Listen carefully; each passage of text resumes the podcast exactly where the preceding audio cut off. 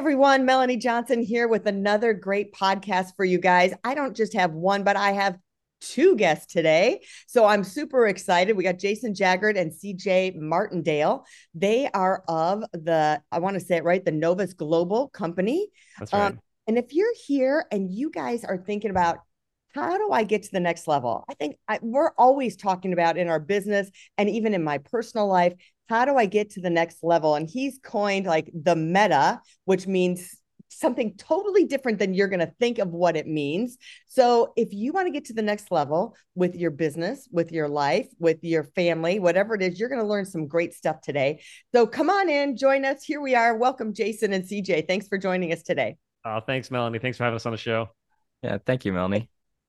Tell us your backstory. How did you get started in the whole coaching and business environment, doing that, helping businesses? Yeah, well, I was working for a nonprofit. This is years before the firm started. Working for a nonprofit, and we would go to. We had these amazing experiences. So we were in the early days, like we would do like Strengths Finder. I don't know if your audience is familiar with Strengths Finder, Birkman, Myers Briggs. You know, what color is your parachute? Like all these different you know, Patrick Lencioni just came out with uh, Working Genius, and there's all these different tools out there to help you find your uniqueness and your wiring. And uh, so we were doing a lot of that, and then we just stumbled into doing work for like the NFL, and we would I found myself flying to South Africa to work with uh, banks that were merging after apartheid, and like all these really powerful conversations and I just fell in love with it. And so then I was like, hey, I think I could do this professionally, not just through the nonprofit. And so I worked it out with them where I was able to transition and then was coaching by myself. And that was really lonely.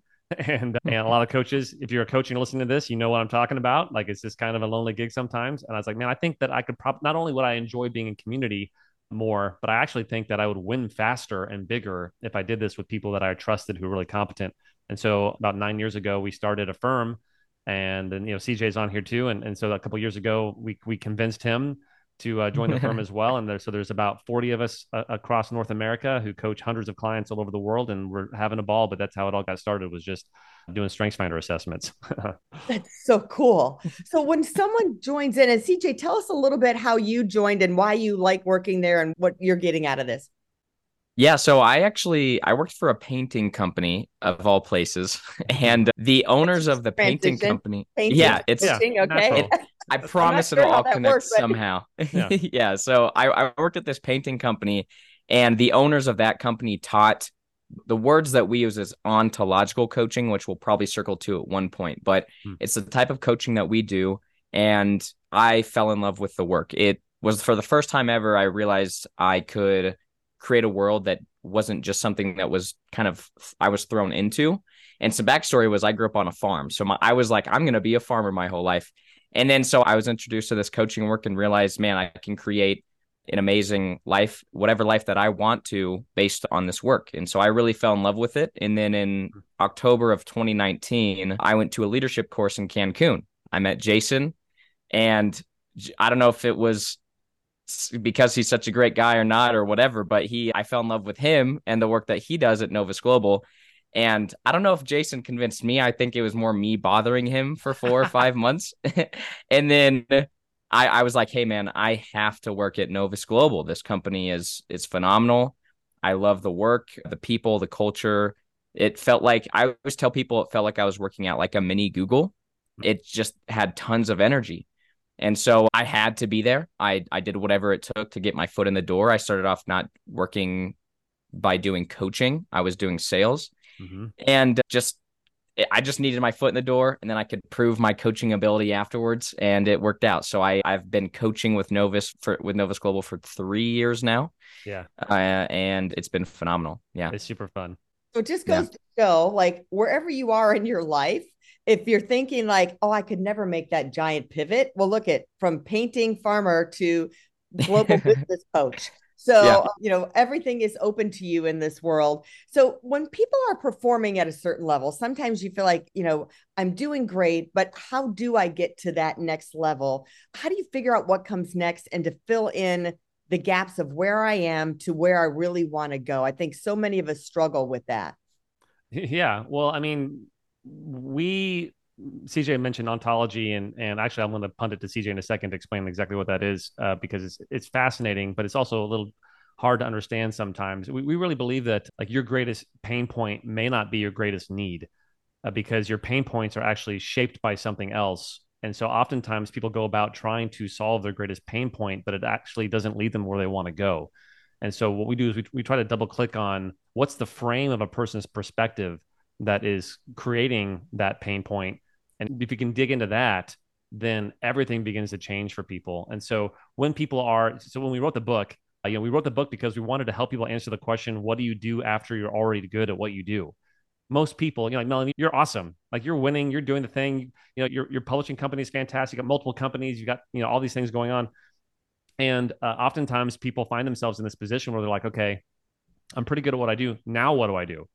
Mm-hmm. And all of our clients wrestle with that. They're all asking that question. All you know, our clients, whether they're uh, you know single moms running a company or whether they are multimillionaires or whether they are professional athletes or some of the most famous people on earth our clients span the gamut but they're all trying to figure out, okay, now what do I do? And more importantly, how do I step into the next level of the video game without ruining all the things that I've already built? You know, and so, our, and then, like I said, our framework is ontology for that. And actually, CJ, you mind like explaining what that means? Yeah, yeah. Well, ontology is a it's a fun word. Sometimes it gets mixed up with oncology. It's not the study of cancer, so it's ontology, and it means way of being. And one of the ways I find it best to describe is if I, I'm looking at a chair right now and I can't coach someone into being a chair. It doesn't work. It's it's non-existent.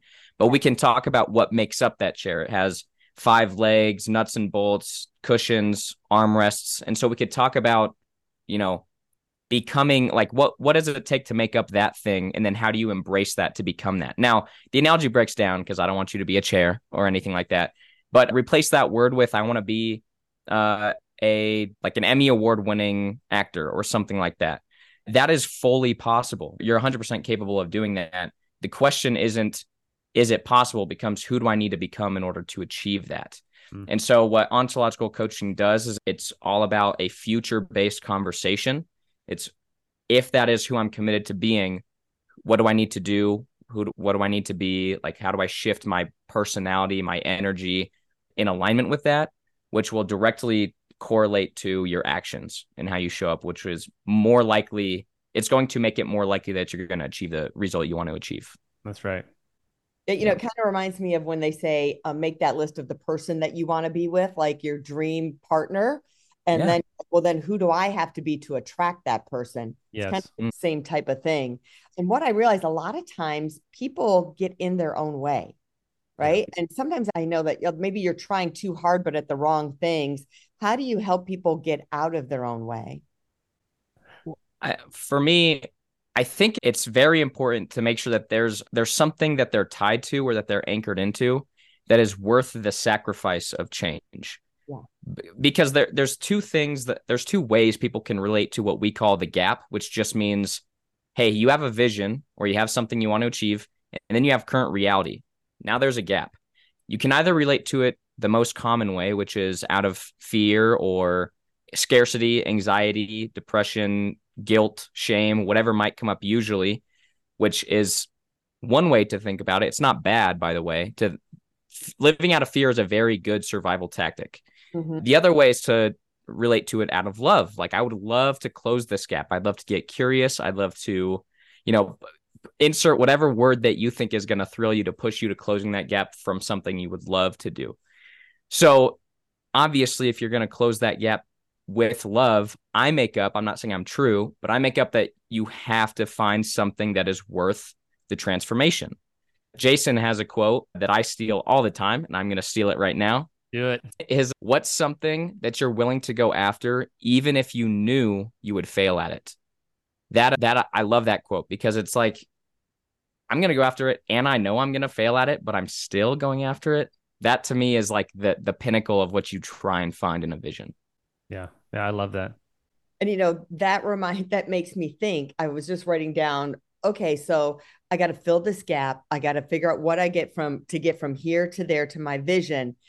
But what if you pick the wrong thing? Like in business you could mm. say okay i'm going to sign up for coaching and then the coaching isn't what you think i'm going to get uh, linkedin software and spend x amount of money and try that out and you're like well that didn't work now i spent all this money and now i'm like in a worse position than i was before so there yeah. kind of wraps into the fear of how do I know to make the right decisions and be okay with if I make the wrong decisions? That's right. Most people try to go after something and they have a way of being around it, like an ontology around it is I'm only going to do this if it works. Mm-hmm. And what you want to do is you want to transcend that. And, and that's what CJ's talking about is you want to transcend that. And you want to go after things that are worth going after, even if they don't work. And when you do, it liberates you from that fear of failure and it opens up all sorts of research resource. And actually in the book, we talk about asymmetrical risk. And it's like, how do you design your life to where even if you lose, you win? And there are a thousand ways to do that. And it's very hard to do by yourself. And that's why it's helpful to have someone walk with you as you're designing your life for that kind of outcome. You know, mm. I would say it's like an education. People pay for college educations, they pay uh, sometimes hundreds of thousands of dollars for college educations, and then they can't even get a job sometimes. And are yeah. they get their ROI on that? So I think, gosh, if you take and you learn, you know, and e- take an e-commerce course and and go out there and try e-commerce and it fails, but you got the education and then that step each step gives you something of the experience that maybe is going to take you to the place you need to be whether it be from a painter to a, an executive coach right? You know you took the chance of going to this this leadership course out of nowhere that yeah. it led to something else. So that kind of is all accumulative define a meta performance We've kind of talked in the beginning so meta is a big word we have a meta that's a company now instead of facebook it's meta so um, what does it mean in your terms meta performance well, first of all, I think it should be said this is going to sound a little defensive, but we like we've been using that phrase for way longer than Facebook has. so when we and we have the uh, IP documents to prove it. But yeah, so we you can think of like a typical performance pyramid. You've got low performance at the bottom, performance in the middle, and then high performance at the top. And most people, the object of the game is for them to become high performers. You know, like we want to be high performing coaches. You know, we no employee wants to be a low performer. And there's been lots of books and frankly books we respect and lots of leaders and, and lots of teams that are all trying to create high performing teams. Well, a couple years ago, I was doing some consulting. This is about 10 years ago. I was doing some informal consulting with a Fortune 10 company. I mean, this is a company everyone would know, have heard of, admires, respects, maybe even is a little scared of. And we were talking with their teams and we're like, hey, so what's the problem? Like, you're talking to us, what's the problem? And they said, they said something I'll never forget, which is, well, we have a bunch of high performers. And I'd never heard that described as a problem before. I was like, that's what you're, that's what everyone's trying to do. That's what everyone, that's mm-hmm. what the goal is. And so, yeah, like Jason, this is like, we have a bunch of high performers and it it, it's good, but it causes a lot of problems. You know, like people are resistant to feedback. They're divas. They think they've arrived. They when we ask more from them, they get a little resistant because they're the best in the world and they know it. And so we started working with them around coming up with an answer to the question, what comes after high performance, or you know, the title of our book, what's beyond high performance? Mm-hmm. And they didn't have an answer to that question. And so then we went to work and we developed this ideology around meta performance, which yeah. is the constant exploration and reinvention of what high performance is for you. So every mm-hmm. person has a definition of what high performance is for them. And so it's shifting the question from how can I be the best to really exploring what I'm capable of. And when you can create a culture and a team that asks those kinds of questions, what you know, if you can get the dad from wanting to be quote the world's best dad with his mug to really exploring what am I capable of as a father, mm-hmm. it just creates all sorts of benefits and it makes leading uh, harder in some ways, but mostly easier. And then you actually start creating results that you would think are were impossible just like a week or a month or a year ago so many people get in that rut of they're doing what they're doing on a regular basis and they don't ask themselves what's the question of what I can do more. They yeah. don't even set, well, what's my what are my goals for the next quarter, for this next year, for yeah. even mm-hmm. this week? What do I want to accomplish? How can I be better at different categories at the job that I already have? Even like you say, I'm already a great dad or I'm already a great mom, but how do I up my game even more? Um, and if you're at work, you're the social media person. How do you up your game more? And it's a constant learning too don't you think of um, not just saying all right i know everything because everything constantly changes. Well the it's a battle for hyper including myself by the way. It's not like you go into meta performance and you're there forever. It's a right. kind of a flow state. But that's right. to melanie you said something like I, everyone wants to be able to do more. And i think that's the trap that happens to all of us which is we think if i want to create more I never inevitably have to do more, which is true, but it sounds like do more work. Like if I want to create twice as many results in my life, I have to work as much time. And that's that I don't want someone I, I can beat someone into high performance with a stick, you know, to work double the amount of time, but they're going to resent the work because of the process. Mm-hmm. And so if you think of meta like metamorphosis, like a can a, a cocoon, like a caterpillar that is metamorphosis metamorphosizing, I don't know, yeah. into a butterfly. Yeah, we'll go with that. It's it becomes a different thing, like it transforms. So when we come into a company to do training, we often say, and this it says it in the book in the last chapter, is it's like, hey, we want you guys to do more. They say, well, I don't want to do that because I'm gonna have to work more. Okay, what if you could do more in less time? They say that'd be fun, but you know, what about every other area of my life? And we say, okay, what about more and less time with greater satisfaction? Mm-hmm. And as Jason says, that's when people's ear per- ears perk up because that's what everyone wants. That's like the holy grail of what people want. So the that that becomes the the problem to solve, so to speak. Yeah, that's right. It's not about Most doing are, more. It's about that's really good, CJ. Yeah. Most people are trying to solve problems that aren't worth solving. You know, how can I get a little bit better? How can I save a little time? You know, how can I maybe like if only I could get like a little raise? And what we want to do is we want to say, hey, those things are fine, but maybe you're capable of more. And so, how could you get like a lot more done in a lot more time with the kind of freedom, vocational freedom that you never imagined before? And that's uh, a game that's worth winning. I was just having this conversation with our social media person is, you know, okay, if you're posting three to t- five times a week, what does it look to post three times a day, mm. But not work any more time than you are now?